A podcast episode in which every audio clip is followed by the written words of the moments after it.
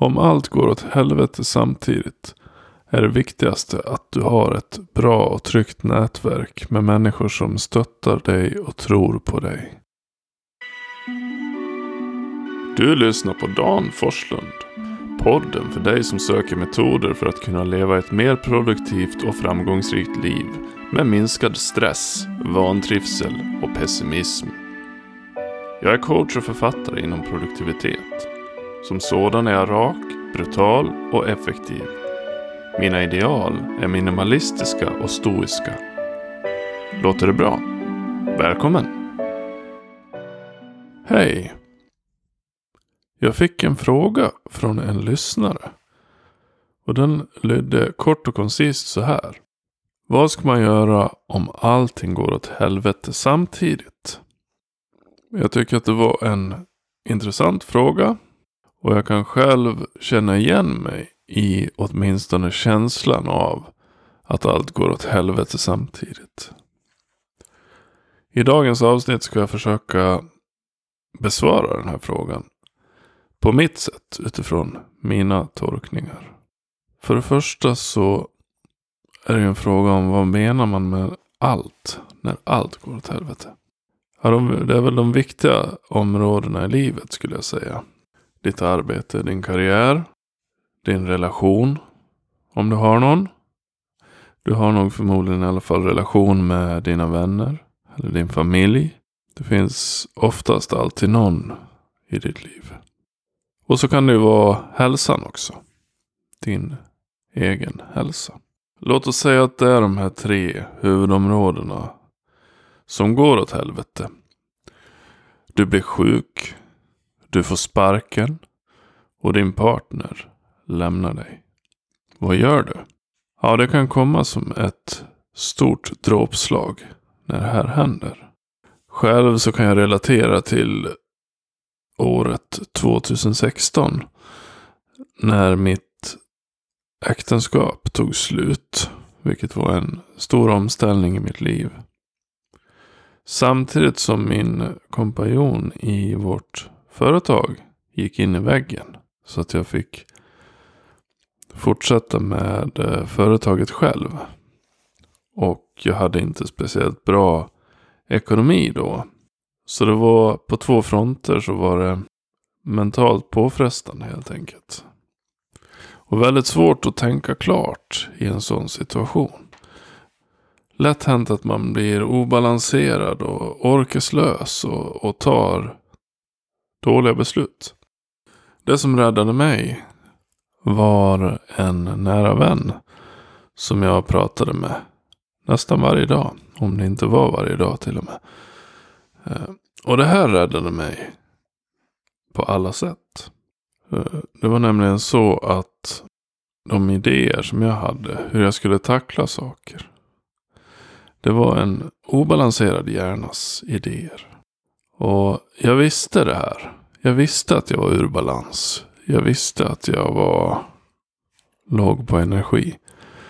Så därför så tog jag mina idéer för hur jag skulle ge respons i olika situationer i företaget och den här skilsmässan. Och jag sa, vad tror du om att jag säger så här eller gör så där? Och han, Robert, jag kan faktiskt nämna dig vid namn för att du är så viktig för mig. Och var så viktig då. Eh, så jag fick köra det som ett litet lackmustest där. Vad tror du om att jag säger så där? Vad tror du om att jag gör så här? Och då kunde han säga, nej men det här är fullständigt vansinnigt. Så här kan du inte göra. Det där kan du inte säga. Um, dessutom, när jag började tycka synd om mig själv. Och när jag började tänka att varför är allting emot mig? Varför händer allting mig? Eh, när jag riskerade att göra mig till ett offer. Då sa han, men rök upp det nu. Det här fixar du. Och jag fick den där peppen som jag behövde. Och utöver han så hade jag ju min familj. Ehm, min, mina föräldrar. Ehm, mina syskon. Jag hade vänner som var lite längre bort. Eh, jag hade eh, andra människor i min närhet. Som, som eh, visste om det här och som inte drog sig undan när jag hade det svårt. Det här gjorde att jag kunde börja se framåt. Jag kunde börja planera för hur jag ville att mitt nya liv skulle bli. Och jag använde då mina metoder som jag kör med min produktivitet, med min målsättning och allt det här. Och jag tänkte att nu har jag ju faktiskt nytta av det här. Som jag har hållit på med i alla år. Och, och kanske ibland till och med känt att det har varit lite som en onödig hobby. Personlig utveckling. Förutom de människor jag hade runt mig. Så var det också väldigt viktigt vad jag hade för mental inställning i den här situationen. Visst Förfölja och, och gjorde mig själv till ett offer ibland. Men allt som oftast så tänkte jag faktiskt att This too shall pass. Helt enkelt att det kommer att bli bättre, jag vet det. Just nu är det jobbigt, men sen blir det bra. Och jag tänker inte fly från det jobbiga, utan det får vara här nu. Jag vill inte bort. Jag vill vara i den här skiten nu. Jag vill uthärda den och jag vill se framåt. Det visste jag från min hantering av ångest att det är flykten som skapar lidandet. Om du tänker att oj vad jobbigt med ångest, nu måste jag sluta ha ångest. Då skapar du den här paniken i dig, att du måste bort, bort, bort. Men om du tänker att jag har lite ångest. Det har vi ju haft förut bara, bring it on. Det har blivit så mycket lättare då. Och lika var det i den där situationen att ja, jag har fan ingen aning hur livet kommer att bli sen. Men nu gör jag de saker som är vettiga. Nu tar jag hand om mig själv. Jag förfaller inte. Jag, jag tycker inte synd om mig själv. Jag låter inte mig själv gå ner mig. Tvärtom så började jag träna lite mer. Jag eh, skaffade en ny frisyr efter att ha haft långt hår i många år.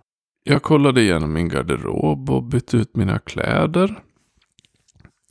Och jag började tänka framåt. Vad jag skulle göra. Vad jag skulle bli. Både vad gäller yrkesliv och eh, relationer och sånt. Jag började spela i ett band. Så det var mycket som hände under den där tiden. Och detta då tack vare det här stödet som jag hade i ryggen. Och min inställning att nu ska jag ta tillvara på det här. Och använda den här svåra tiden som en sorts hävstång. För det fina var att när jag hamnade i en sån här krissituation. Då fick jag verkligen se vad har jag för försvar. Vad har jag som hjälper mig i svåra stunder? Vilka är människorna som stannar vid min sida? Hur funkar mina metoder? Är det bara bullshit eller funkar det? Det visade sig att de människor som jag hade valt ut och tänkt mig att jag ville ha nära, de höll faktiskt måttet då. Ehm, och det här med att få möjlighet att se sina utvalda personer testade. Det skapar en trygghet. Jag kan dra en parallell till när min tandläkare skulle dra ur en visdomstand på mig en gång. Och den där tanden trilskades något fruktansvärt. Så att han fick till och med lov att ta en paus och sitta och pusta. Eh, och sen så fick han ut den där tanden och det, det gick ju perfekt. Men jag fick se hur han sattes i en ordentlig utmaning. Och han klarade den. Då tänkte jag, nu ska jag inte byta ut den tandläkaren. Och det har jag inte gjort sedan dess. Men så är det också med de människor du har runt dig. Inte förrän du be verkligen behöver deras hjälp så kommer du få se om de verkligen bryr sig på riktigt. För det är just i en, i en svår situation som du ser vilka som verkligen är dina vänner. Den möjligheten fick jag. Jag fick också möjligheten som sagt att testa de här metoderna jag hade för målsättning, för mindset, all litteratur jag hade läst, allt som jag hade tagit in och gjort till metoder. fick jag testa och se att det också fungerade. Om vi då tar över det här till din situation. Och du hamnar i en sån här situation när du får dålig hälsa. Du får sparken. Din partner lämnar dig. Vad gör du då? Ja, det första du ska göra är att se till att få tag på människorna som du förhoppningsvis har som ett bra stöd. Som du vet att du kan lita på. Om du inte har det, då kan du börja med att notera att du behöver skaffa bättre vänner. Eller du behöver skaffa vänner. Du behöver det här sociala stödet som alla människor behöver. Det finns ingen som är stark ensam enligt det talesättet. Visst kan du vara stark ensam. Men inte för alltid. Vi är sociala varelser. Vi behöver varandra. Så därför se till, se om dina sociala kontakter. Och det andra är ju faktiskt att du ska se till då när du har fått tag på de här och hjälp dem att hjälpa dig. Hjälp dem att säga åt dig om du börjar bete dig som ett offer. Att du börjar tycka synd om dig själv. Att du bara sunkar ner dig och inte gör något åt din situation. Se till då så att du får kraftigt motstånd och att du får hjälp, stöd, stöttning, push och omtanke. Man behöver alltihop. Se till så att du får det. Och sen handlar det bara om att vara i nuet. Alltså inte fly från situationen. Sätta upp mål för hur du kan agera bättre. När det gäller hälsan kan du träna. Kan du börja rehabilitera dig själv. Eh, när det gäller jobbet. Kan du börja leta nytt jobb eller kanske rent av byta karriär. Eller kanske testa att starta eget. Jag vet inte vad du vill, men det vet förhoppningsvis du. Och en relation. Om du har varit i en lång relation. Då är det inte alls säkert att du ska hoppa direkt in i en ny på en gång. Utan att du umgås med dig själv och lär känna dig själv. Så att du verkligen får landa. Du får lära dig vem du är. Så att du hittar tillbaka till dig själv. Det är lätt hänt om man har varit i en lång eh, relation. Att man har gått in i den här tvåsamheten. Och att man har eh, successivt drivit iväg från vem man var från början. Det är ganska naturlig grej. Eller alla gör väl det inte, men ganska vanligt ändå. Så ta lite tid med dig själv. Landa. Lär känna dig själv. Fundera vem du var innan. Och försök att hitta tillbaka. Läs lite gamla texter du har skrivit. Vem var du då? Är det någonting som du vill fortsätta på?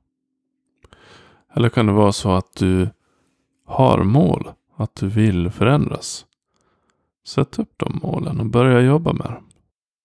För er som lyssnar på det här och som inte är i någon krissituation där det inte har gått åt helvete som frågan lyder i det här avsnittet.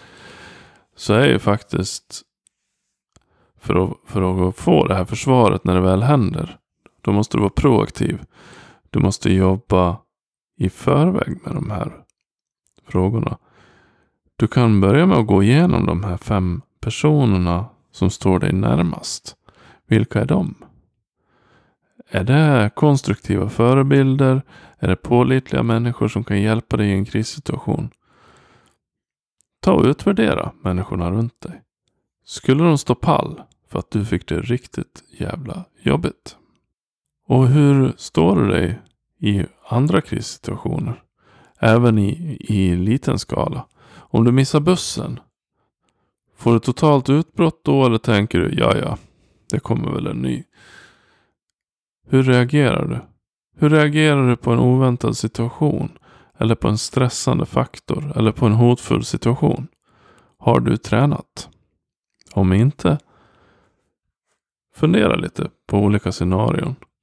Använd lite metoder som du hittar i olika böcker för hur du hanterar olika former av motgångar, konflikter, vad det nu kan vara. Träna i förväg. Då blir du beredd. Sammanfattningsvis det här avsnittet som besvarar frågan vad gör man om allt går åt helvete samtidigt? Nummer ett är att vända sig till sin närmaste krets och be om hjälp. Nummer två är att jobba metodiskt med ett mindset för att komma framåt mot de mål man sätter upp. Och i den processen är det viktigt att man inte gör sig själv till ett offer. Och så gäller det att vara proaktiv. Alltså att man har det här redo inför en eventuell kris. Det är lite prepping över det hela. Att man inventerar sin närmaste bekantskapskrets och se till så att det är trygga, pålitliga personer som är konstruktiva och som faktiskt kan göra dig till en bättre version av dig själv. Och att du har de rätta metoderna för krishantering. Vilket du kan få via litteratur, film eller andra inspirerande källor. Varför inte från ditt eget nätverk med konstruktiva personer? Så du behöver börja fundera redan idag. Vad är det du har när det väl gäller? Tack för att du lyssnade på min podd. Har du frågor som du vill att jag tar upp i podden?